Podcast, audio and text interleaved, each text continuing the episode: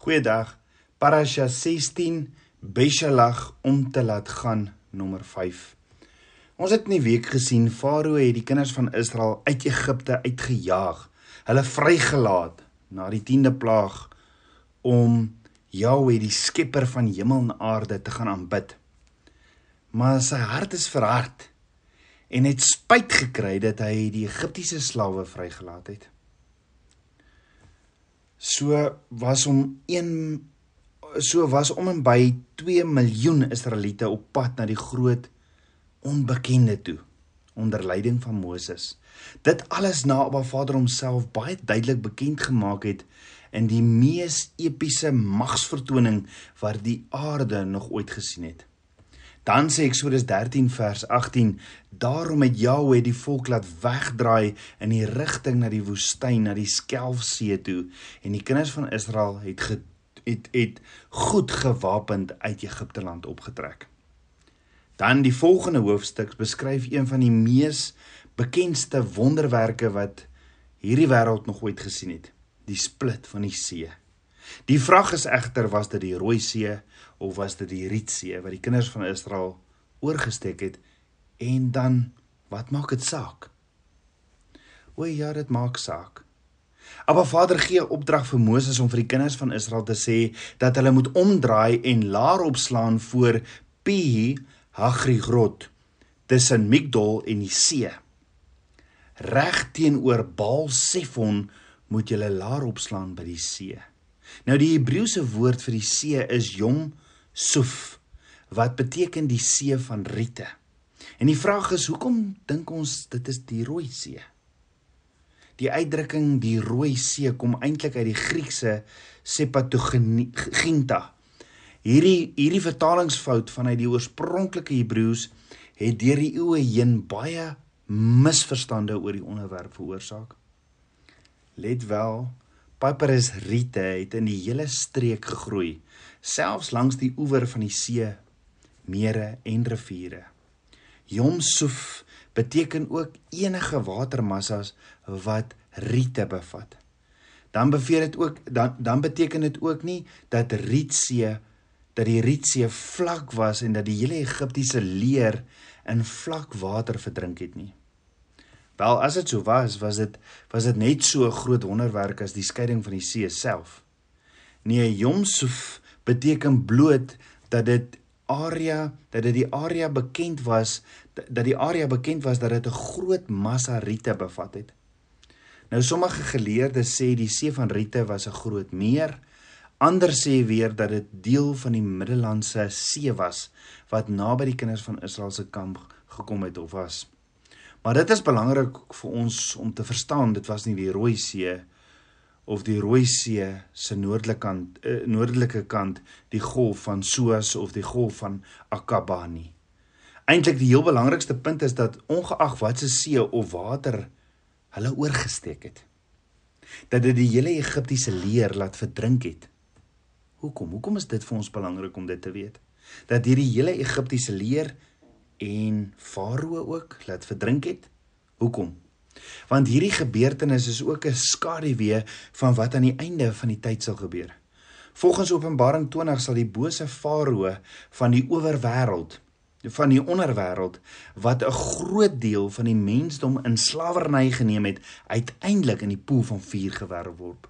Gewerp word. Ja, Openbaring 20 vers 10 sê en die duiwel wat hulle verlei het, is in die poel van vuur en swavel gewerp waar die dier en die valse profeet is en hulle sal dag en nag gepynig word tot in alle ewigheid.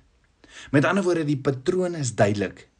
Die bose vyand strek die bose vyand trek voordeel uit Abba Vader se kinders, dan Abba Vader se kinders roep om hulp na Abba Vader. Abba Vader kom om hulle te red en te verlos terwyl hy ook dan diegene wat hulle seer gemaak het ook sommer gelyktydig vernietig. So nou dat ons verstaan dat die Israeliete een of ander watermassa gekruis het wat in die antieke wêreld as die see van Riete bekend gestaan het, moet ons verder kyk na wat Abba Vader ons verder hier wil leer. Want dink daaroor. Abba Vader lei die kinders van Israel op 'n 6 dae roete tot op 'n spesifieke plek. As hulle die 11 dae bekende roete na die beloofde land geneem het, was hulle al verby halfpad. So hoekom lei Abba Vader met 'n wolkkolom in die dag en 'n vuurkolom in die nag hulle op 'n zigzag roete? Daar is egter iets baie belangrik wat Abba Vader ons hier wil leer wat nie altyd raak gesien word nie en wat ook baie belangrik is om te verstaan wat Abba Vader se motivering was om die Israeliete te laat kampeer waar hulle toe gekampeer het en waarom hulle die Rietsee in hierdie spesifieke gebied oorgesteek het om te verduidelik.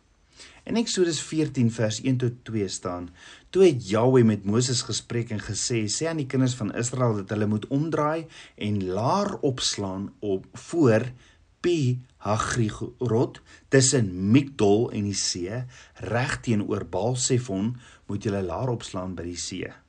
Nou alhoewel hierdie plekke vandag onbekend is, is dit bekend dat Migdol toring toring beteken en Baal Safon beteken Lord of the North.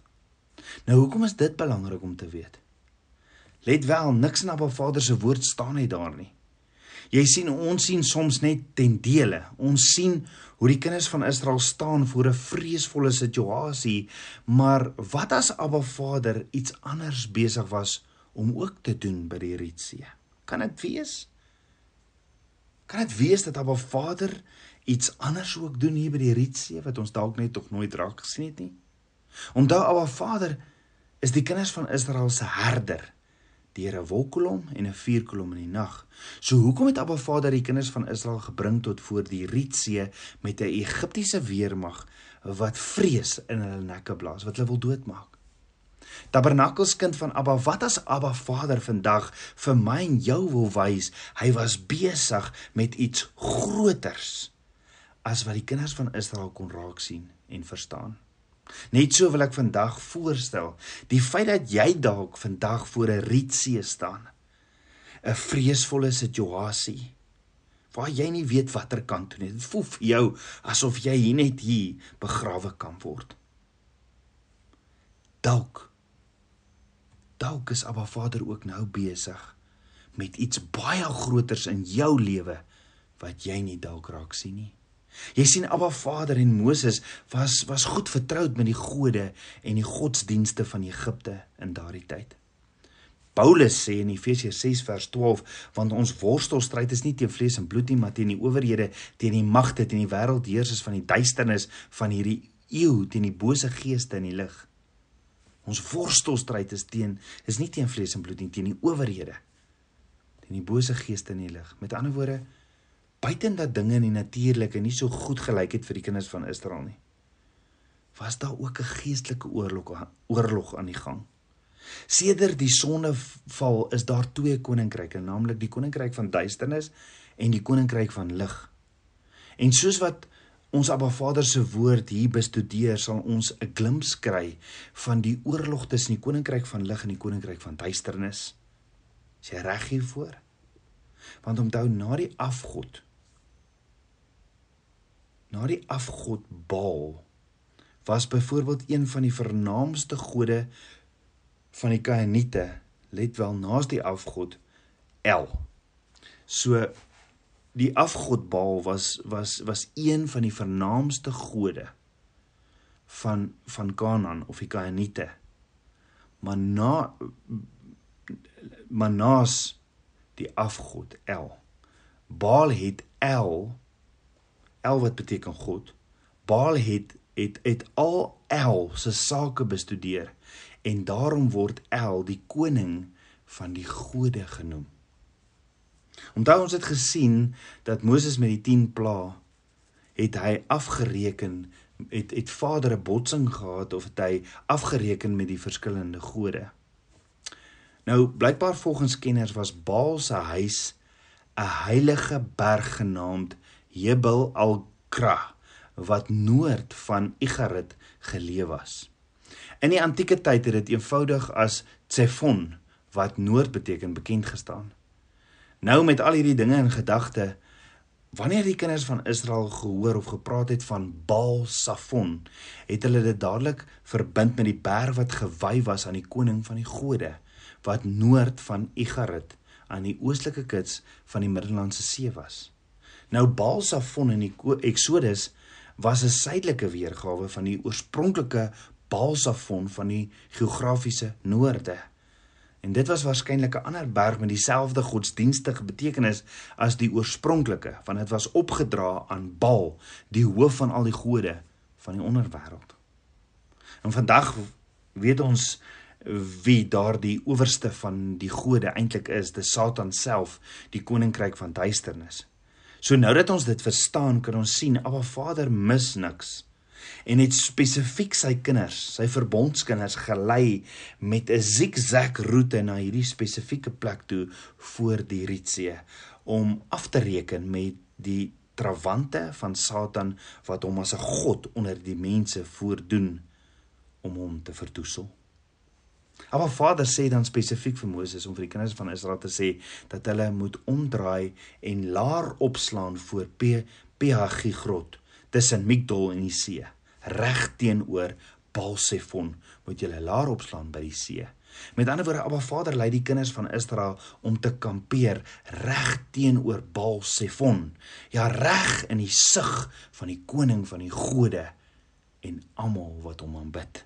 En dan sê die woord vir ons verder in Eksodus 14 vers 9 en toe het die Egiptenaars hulle, die kinders van Israel begin agtervolg al Farao se perde en strydwaans, sy ruiters en sy leermag en hulle ingehaal terwyl hulle in die laar gestaan het by die see by Ph grot voor Balsefon. So dit was asof Abba Vader wou gehad het dat die dat die vyand almal moet opdag en dat die vyand VIP seats moet hê. Hulle moes VIP seats kry om te sien hoe Abba Vader die vyand se beste van die beste weermag gaan oorwin met die blaas van sy asem.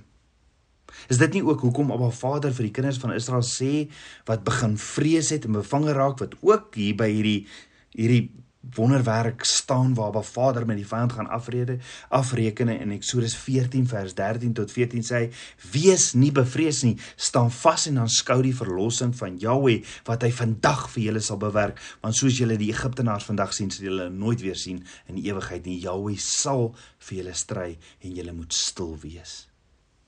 Ja hierdie is Abba Vader se geveg.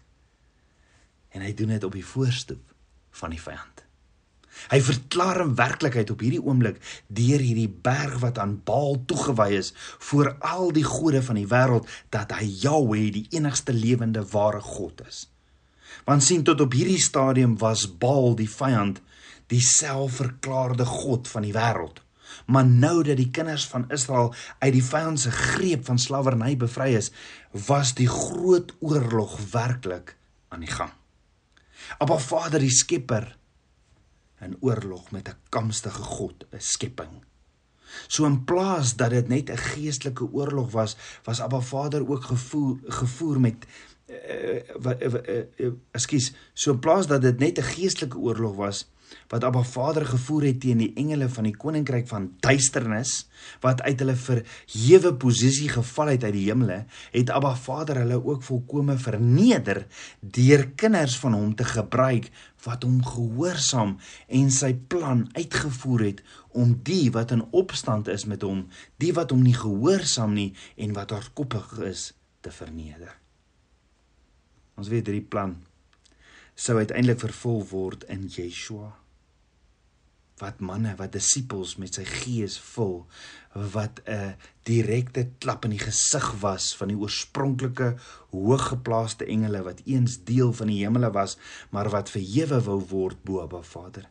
Jy sien die kinders van Israel wat Abba Vader gehoorsaam en doen wat hy sê, Shema, Here is nou by, het Abba Vader bemagtig om die altare van Baal af te breek en die koninkryk van God op die aarde te bou sonder om ooit in hulle verheerlike liggame te wees soos wat die hemele was wat verheerlik soos die engele wat in die hemele was wat verheerlik wou word en Satan wou volg. Net so kan ek en jy ook vandag deel hê aan Abba Vader se weermag as ons hom gehoorsaam, as ons hom Shema om die altare van Baal af te breek en die koninkryk van Abba Vader op hierdie aarde te bou. Soos ons dit alles saamvat. Tabernakels kind van Abba, so dikwels kyk ons na iets so wonderlik soos 'n rooi see wat oopgesplit word, nê, nee, want ons noem dit die rooi see en dan is dit eintlik nie 'n rooi see nie wat oopgesplit word en ons verwonder ons dan oor die krag van Abba Vader wat hy besit en hoe groot en almagtig hy is. Maar baie keer mis ons soms ook die dieper prentjie of betekenis van dit wat Abba Vader in die agtergrond doen wat tot so 'n wonderwerk lei. Ons sien nie wonderwerk, maar ons besef nie altyd wat dit van Abba Vader gevat het om tot op hierdie punt te kom nie. Want dink daaroor. Ek meen Moses lei die kinders van Israel uit Egipte uit, die woestyn in. Hulle het geen idee waarheen hulle gaan nie. En dit is ook duidelik dat Moses geen idee gehad het nie. Hy sien see en 'n weermag wat vrees in hulle blaas. Dis wat hulle sien. En asof dit nie genoeg is nie, sê Abba Vader dat hy hulle doelbewus gedwing het om te zigzag voor Farao se oë. Sodat Farao sou dink dat die kinders van Israel verward, die pad byster was en nie geweet het watter kant toe om te gaan nie. Net so. Hoe dikwels lyk dit of Abba Vader ons in ons lewens lei in rigtings wat lyk asof dit net glad nie vir ons sin maak nie. Vader, hoekom het U my gebring tot hierso? Dit maak nie vir ons sin nie. Sy instruksies maak baie keer nie vir ons logies sin nie en en dan is ons so baie keer so seker daarvan dat dit nou alles in 'n ramp gaan opeindig, is dit nie? Sit jy met so 'n situasie tans in jou lewe tabernakelskind van Abba? Dit lyk asof dit waarna Abba Vader jou na toe gelei het, net 'n plek is waar jy gaan begrawe word, is dit nie? Ja, niemand het begryp dat Abba Vader tydens die uittog uit die Egiptiese ballingskap ook 'n geestelike oorlog gevoer het wat hy voor hierdie onheilige berg in die aangesig van Baal wou laat afspeel nie. Moses het die woestyn geken. Hy het geweet dat dit waarskynlik sou eindig met hulle wat vasgevang sou word met die see aan die een kant en die wildernis aan die ander kant en die vyand wat op hulle afhardloop. Maar maar Moses het die stem van sy Skepper vertrou. Hy het nie op sy eie begrip gesteun nie. Hy het sy Skepper en al sy weë erken en Abba Vader het beslis sy weë gerig. Net so wanneer ons besluit om op Abba Vader te vertrou ondanks wat ons met ons natuurlike voel of met ons natuurlike oë sien, gee ons die maker van hemel en aarde volle mag om 'n wonderwerk in ons midde te skep. Dink daaroor. Is dit moontlik dat ons nie genoeg wonderwerke sien nie omdat ons die skepper van hemel en aarde eenvoudig nie toelaat om dit te doen nie?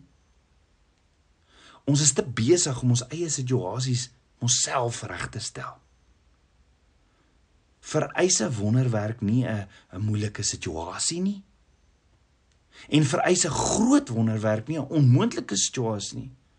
Is jy in 'n moeilike of 'n onmoontlike situasie tans in jou lewe?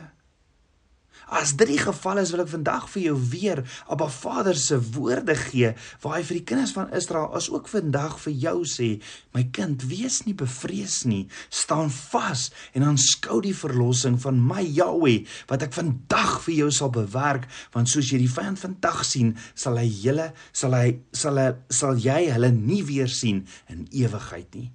Ek Jahweh, jou Vader, sal vir jou stry en jy moet net stil wees, my kind. Daarom tabernakels kind van Abba, word stil en weet, weet dat hy met jou is. En hy's op pad om 'n seën toe te split vir jou.